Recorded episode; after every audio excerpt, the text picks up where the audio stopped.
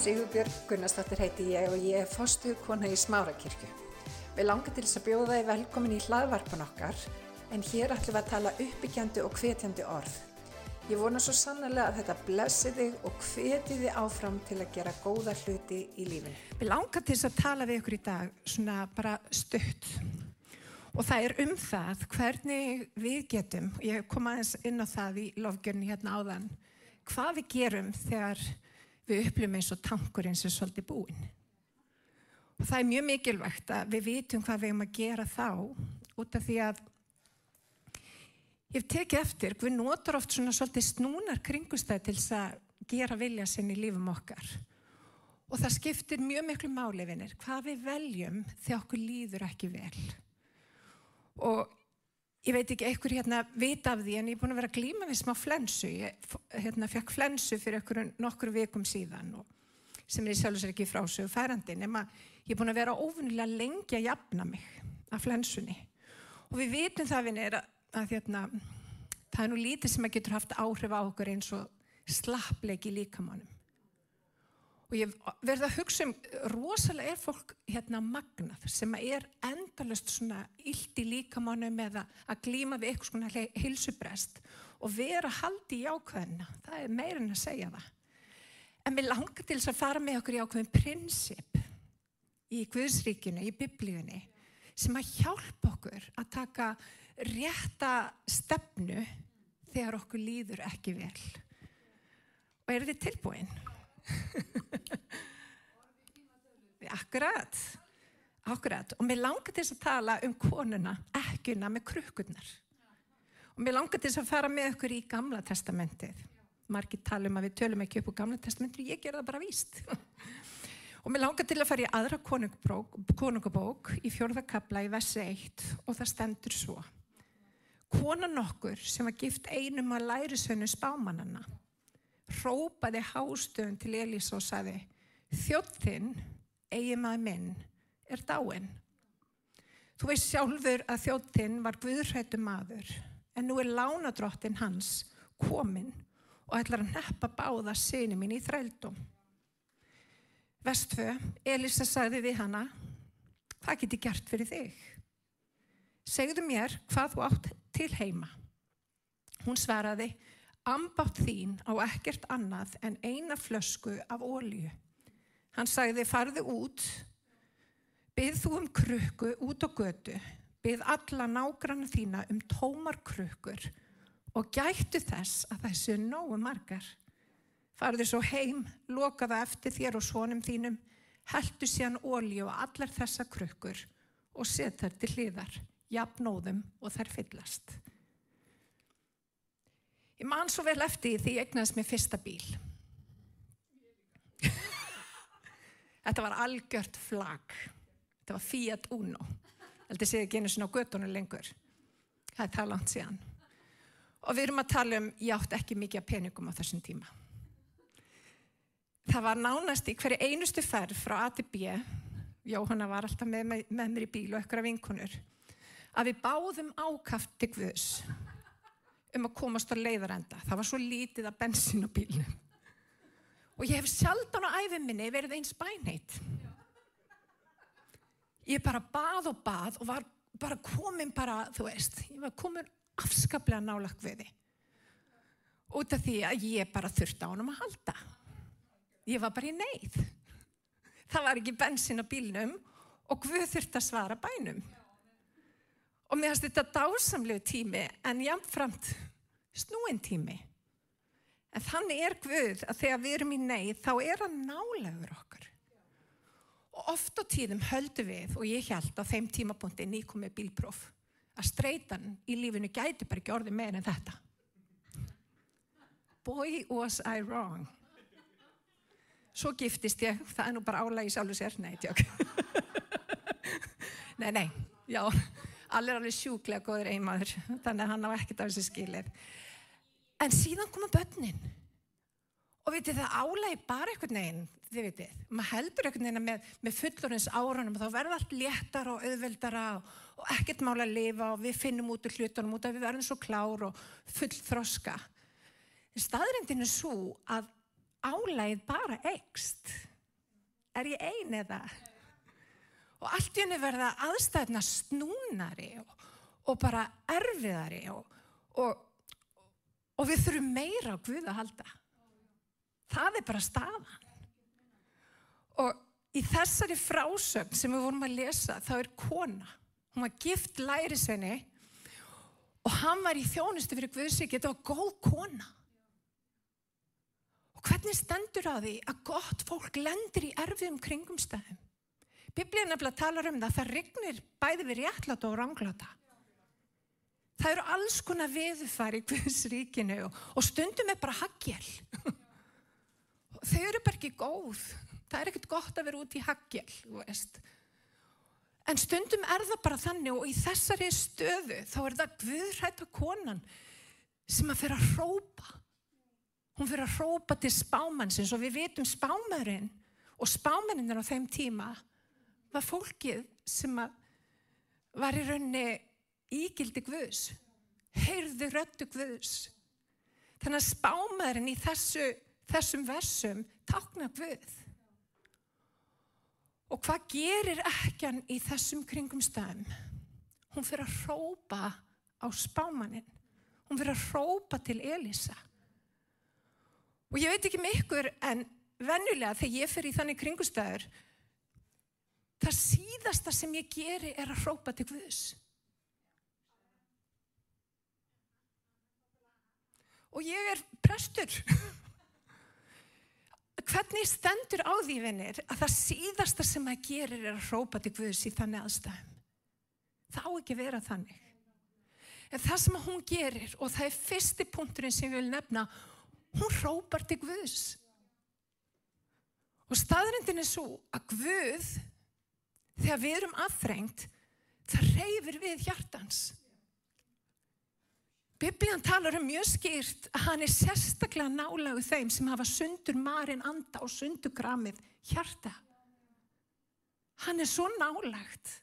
En hvað gerum við? Við förum ofta flót og ég þannig ég, ég hérna, mér færist of mikið í fang ég fer að gera alls konar hluti og þetta er bara flóti. Ég er í ykkurum erfið, erfiðum aðstæðum eða ég fer að horfa ómikið á Netflix. Ég heyra að það eru margir hér, sama sinnið. en þið veitir hvað við gerum. Í staðin fyrir að koma bara fram fyrir Guð eins og ekki hann gerði. Bara rópandi. Og þetta róp táknar auðvitað að vera bara í sannleika. Að segja bara hlutin eins og þeir eru að þá förum við ofta flótt og við gerum eitthvað annað til að fylla upp í eitthvað gat sem er í hjartanu. Meðan Guður að segja, herðu, kontið til mín, ég er með allt sem þú þart. Og vinir, hann er með allt sem við þurfum.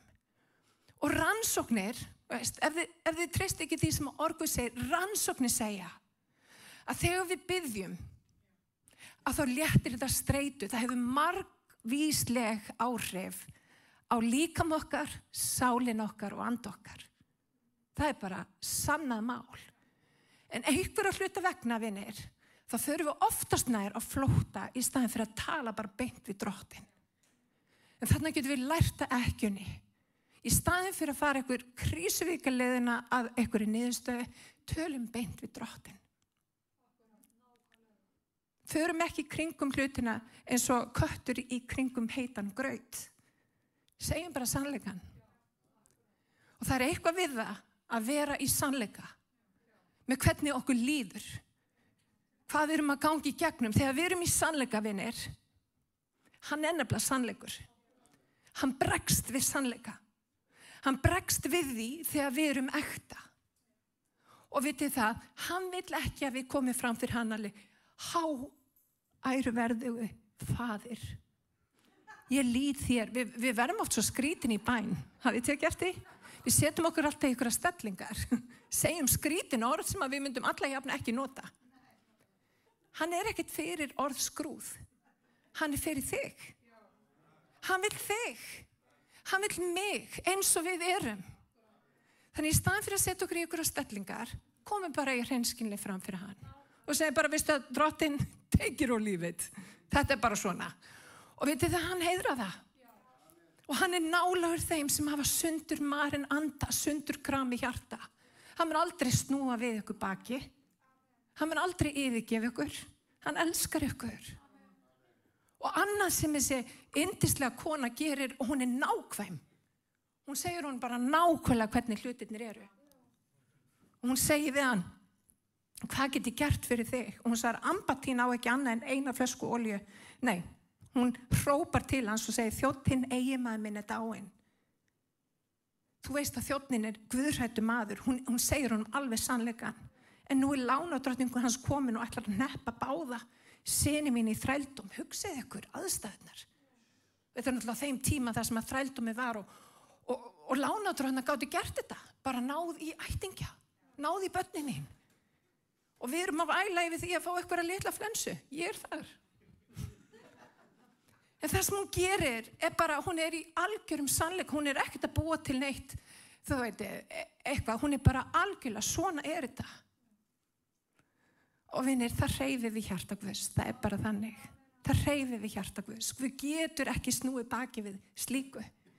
Máli er það bara, við erum oftast nær ekki í sannleika fram fyrir Guði. Það er allavega mín, veist, í mínu tilviki. Ég er alltaf einhvern veginn að reyna að retta hlutunum, gera eitthvað að það reyna að líta vel út í augum Guðs, það veit nákvæmlega hvernig ég er. Ég get ekkert platað hann. Bara ekki neitt, en hann elskar mig samt. Amen. Og ég held líka, kannski ein af ástafanu fyrir því að við erum ekki algjörlega í sannleika fram með þrjú Guði, er út af því að við höldum að hann vil ekki svara okkur. Ég held að við höldum, Haldur talaði um þetta síðustu helgi, þegar þau voru í gardinum og þau hafðu gert eitthvað rangt þá fóru þau að búa til skýlur. Við förum að, að fel okkur. Og veitir það, Jésu vill heyra. Jésús elskar þig. Jável þótt og þú sér búin að gera alls konar glóriur, hann samt elskar þig. Og þú getur ekkert gert þess að láta hann elska þig meira. Þú getur heldur ekkert gert þess að láta hann elska þig minna. Hann bara elskar. Þannig í staðin fyrir að halda við sem eitthvað svo ómögulega, við getum ekki komið fram fyrir hann. Komið fram fyrir hann. Þannig að skref númer eitt. Þegar þú ert í aðþrengdum, þú er búin á því, tankurinn er búin, hrópaði til drottins. Verði sannleika frammi fyrir Guði má ég heyra Amen. Númið tvö, annar punktur. Hann spurðana, hvað átt þú til í húsið þínu? Svar Guðs inn í okkar kringumstæður tengist alltaf okkur sjálfum. Við erum hluti af svari Guðs inn í okkar kringumstæður. Hann segir við hana, hvað átt þú til? Hún segi ég á reyndar, ég á eina krukku, ég á ólju. En það er bara mjög lítið, ég á bara smá ólju. Og veitir það, hann segi við hana, farðu út og farðu út á stræti, farðu út til nákvæmnaðina og reynda að fá eins marga krukkur og þú getur. Og veitir það, þetta skref nummið tvö, táknar tákna samfélag. Oft á tíðum, þegar við erum að gangi gegnum erfileika, þá eigum við það til að draga úr samfélaginu. Og vitið það, þegar ég segi samfélag, þá er ég ekki að tala um að kommentur á Facebook og svo les. Mjög gott mál, en ekki samfélag. Samfélag er þetta. Samfélag er þegar við hittum hvort annað og við eigum stund með hvort öðru og ég er tilbúin að hlusta þig og þú ert tilbúin að hlusta mig. Þetta má ekki gleymast í ríki Guðs. Og veitir það núna, sérstaklega núna, og þetta við búum í svolítið sérstökum heimi, ekki satt. Þetta er svolítið svona yfirborskjandur heimur. Við erum öll einhvern veginn í lífum hvers annars, einmitt í gegnum samfélagsmiðla, en samt svo í mikilli óra fjarlagt. Það sem að Guð er að kalla á, á þessum tíma sem við lifum á, er raunverulegt samfélag. Og veitir hvað gerist þegar konan fer út og hún byður um krukkuna? Hún hefur pottitt sagt fólkinu frá hvaða reynsla, reynslu hún var að gangi í gegnum. af hverju hún þurft á krukkunum að halda. Og vinni það er eitthvað sem gerist þegar við erum að deila með öðrum okkar einslu. Það kemur eitthvað tenging okkar á milli. Og veitir það, Guð notar mjög oft fólk til þess að hjálpa okkur. Guð sendur okkur rétt af fólkið. Og það er svo dýrmætt vinnir á þessum tímum að við kveikjum undir kærleikunum og við sjöum ymmit þetta eira sem fólk þarf að hafa. Að við séum ekki bara hlusta fólk til þess að geta svaraði að við séum raunverulega hlustendur. Að við tökum þátt í sorgum og sigurum hvers annars. Samfélagvinnir. Númið tvö, ekki gleyma samfélaginu. Samfélagið er krítist til þess að við náum árangri í, í Guðsríkjunu, í okkar eigin lífi. Þannig að hvað gerur hún? Hún byrjar á því að hrópa. Hún hrópar til spámannsins og hún hrópar til Guðs. Hann spyr hennar hvernig get ég aðstóð og hún segir og hann bendir henn á hún á ólju. Hann bendir henn á að fara út og eiga samfélag. Og hvað gerir hún þegar hún er búin að fara út og eiga samfélag? Hún er búin að ná í allar þessa krökkur. Hún fer heim. Hún lokar að sér hörðinni og hún tekur það litla sem hún á. Hún tekur það litla sem hún á. Vinnir, það getur vel verið að þú sérst á erfiðin stað í dag en þú átt eitthvað. Þú átt eitthvað sem að drottin vil nota. Það getur verið bara ein lítil krukk af ólju. En veitir það, Guð getur ekki stórkoslar hluti við bara eina litla krukk af ólju. Og tilningin okkar, þegar við erum á þeim stað að við, við upplum eins og við eigum lítið, að þá oft höldum við fast í það sem við eigum og við gefum engum með okkur, út af við eigum svo lítið. En prinsip í Guðsíkjunu er þannig, rétt eins og þegar við tökum samskot, þegar við gefum, þá verður okkur gefið. Það er prinsip í ríki Guðs. Þannig að til þess að fá, þá verður að gefa. Ég ætla að segja ykkur þetta aftur. Til þess að fá, þá verður að gefa. Og í staði fyrir að halda fast í það sem við eigum, passa upp á það með öllum tiltökum ráðum, fara inn í felur, gef ekki neynum að því sem að Guð hefur gefið okkur, þá missum við af blessun. Þetta er nefnilega snýst um það að við tökum skref í trú og við byrjum að hella þeirri ólju sem að Guð hefur gefið okkur. Og veitir hvað ég elska við AA samtökinn? Það er þjónustan. Þegar fólk er búin að taka öll þessi spór og það byrja að þjóna. Af hverju er svona mikilvægt að byrja að þjóna? Klálega að gefa af sér, alveg klálega. En það setur líka okkar eigin kringumstæður í samengi, ekki satt. Allt í unni fyrir við átt okkur að því, herðu, hvað er málið með mig? Ég hef það bara mjög gott. Við, það er eins og við breyti sín okkar um leið og við förum að þjóna vinnir. Og þegar við förum að hella okkar litlu ólju, veitir hvað við gerir? Hann gefur okkur bara meiri ólju, meiri ólju og meiri ólju. Því að þannig starfa Guð. Hann starfar í ringrás. Við gefum okkur er gefið. Við gefum meira okkur er gefið meira.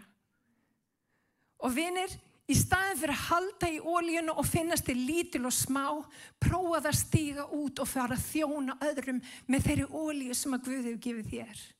Þeir mæli trúar. Og ég skal lofa því,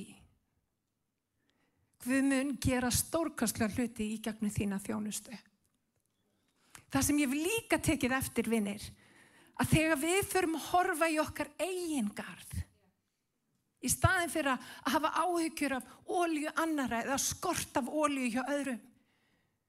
Vitið það, hjónaband virka þannig, ég get bara átt við mig, vinnir. Og þegar ég á við mig, að þá breytist mitt hjónaband. Við oft byrjum þannig að við förum að reyna að laga mak okkar. Ég reyndi það í tölvert langan tíma. Sem er mjög sérstakt og þetta er alveg mjög næs. En við gerum þetta. Við höldum að við getum einhvern veginn laga kringustæðunar okkar með því að horfa út á við. En staðan er svo vinnir að þegar við förum að laga til í okkar eigingarði, þegar við förum að lefa ólíun að flæða í okkar eigin lífi og þegar ég lefði Guð að eiga við mitt hjarta, að laga mig, að hafa áhrif á mig, þá var þjónabandi okkar betra. Það er svo margt sem gerist þegar við förum að, að vera það sem við eigum að vera á göngunum með Guði. Þegar við látum óljun að flæða, má ég heyra með henn.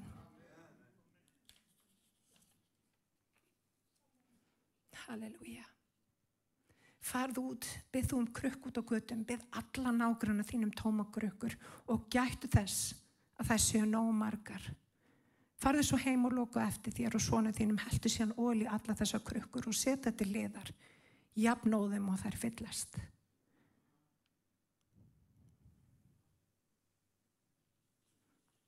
Og ég segi ykkur, það sem hún held af sinni ólíu, það stendur hérna setna, ég reynda að skrifa ekki setna vessið, en það sem að gerist er það að hún fyllt í svo margar krukkur að hún átti ólíu út lífið. Hún átti ekki bara nóg fyrir sig, hún átti nóg fyrir alla það sem voru í kringum hana. Það er það sem að Guð gerir með okkar litlu og smáa. Og erum í stað þess að halda fast í. Lefðu Guð að nota það sem að þú hefur. Í Lúkas 6.38 stendur gefið og yfir mun gefið verða. Góður mælir, tróðin skekinn, fleiti fullur. Mun lagður í skauti ykkar, fleiti fullur. Það var lítið en Guð margfaldar lítið. Þetta vers minni mig satt að segja, þessi vers um konuna með oljuna, minni mig á annað vers sem þið þekkið öll. Þú býr með borð frammi fyrir fjandu mínum. Þú smið höfu mitt með olju. Byggar minn, e, við getum þess að sagt, krukkan mín er barmafull rétt þýðing er ekki barmafull hún flæðir yfir og mér er svolítið aðtilsætt ég, ég prétika um þetta áður sjáu þið hvernig þetta vers er sett upp? Þú býrð mér borð frammi fyrir fjöndum mínum. Hann er með háborð. Hann er með háborð. Fullt af kræsungu fyrir þig og mig. En það er ykkur fjöndur á milli. Og erum fjöndur okkar eru mjög takmarka þarna úti. Fjandur okkar eru hér. Fjandur okkar er hugur okkar. Afstafa okkar til hlutana. Þess vegna smyrna höfuð okkar með olju. Smörningin nefnilega, hún brítur okk. Biblían talar um það. Og ég veit þetta er kannski svona djúbu texti, en þetta er samt svona. Og vinir, þegar við erum búin að sigra fjendur okkar þegar við höfum komið fram fyrir Guð þegar við höfum gert okkar það litla leitið og þér munu finna. Knýið á og fyrir yður munu upplokki verða. Og vinir í staðin fyrir að horfa bara á hlaðborfið leifum Guði að eiga við okkur.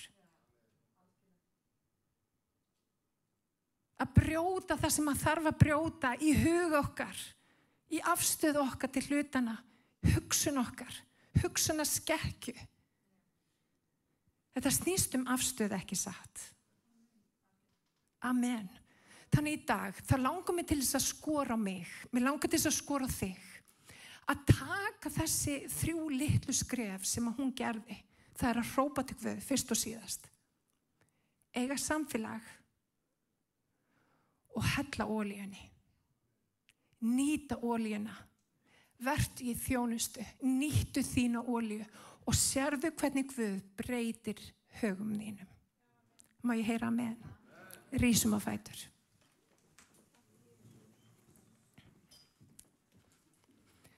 Amen. Mér langar til þess að byggja hér í dag og því ég fengi mjög mörg hérna, bænarefni þessa viku. Það er margi búin að hafa samband um mig sem eru veikir, eiga eitthvað erfitt. Það er bara búið að vera pínu þungbúið, það getur nú verið bara eitt. En Guð elskar þig. Guð er með þér. Og mér langar til þess að við komum fram fyrir Guð út að ég trúi því að hann vil smyrja höfuð okkar allra með ólju.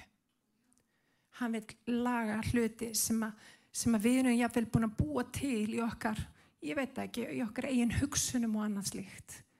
Eitthvað sem er að þvælast fyrir okkur, þannig að við getum farið að borði Guðs og við getum fengið það kraftaverk sem að uh, Guð hefur fyrir okkur. Ég glemta að minnast á það, hún gætt greitt allar skuldi sínar.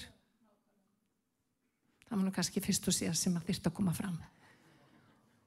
Þegar hún gerði þessi skref þá, þá gaf Guðinni mikið meirinn og hún gaf greitt alla skuldi sína og hún hafði mikið augreitis út allt lífið því að Guð er sá sem sér fyrir okkur.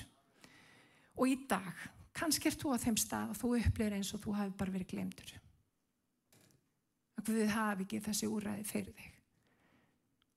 Þú ert jáfnvel veikur, kannski líka maður þínum eða, eða sál eða sinni þá langar mér til að byggja þig um að bara drúpa höfði og byggja drottin um að koma inn í aðstæði þínar.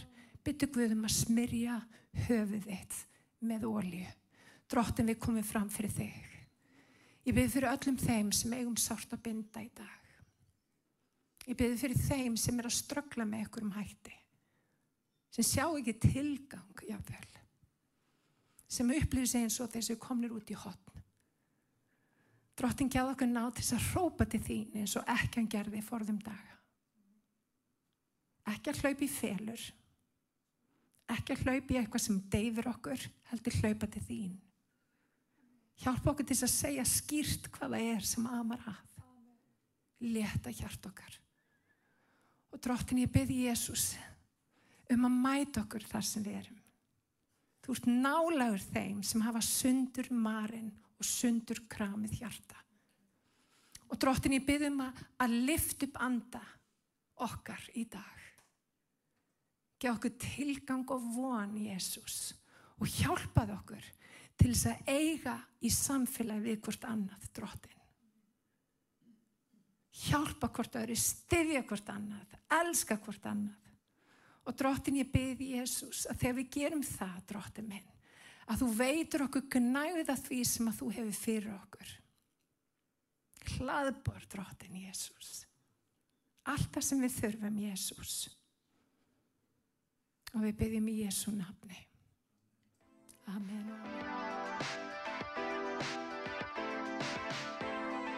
Ég hveti til þess að stilla inn á okkur með reglum hætti því að hér verður alltaf eitthvað nýtt á nálinni. Takk fyrir að hlusta.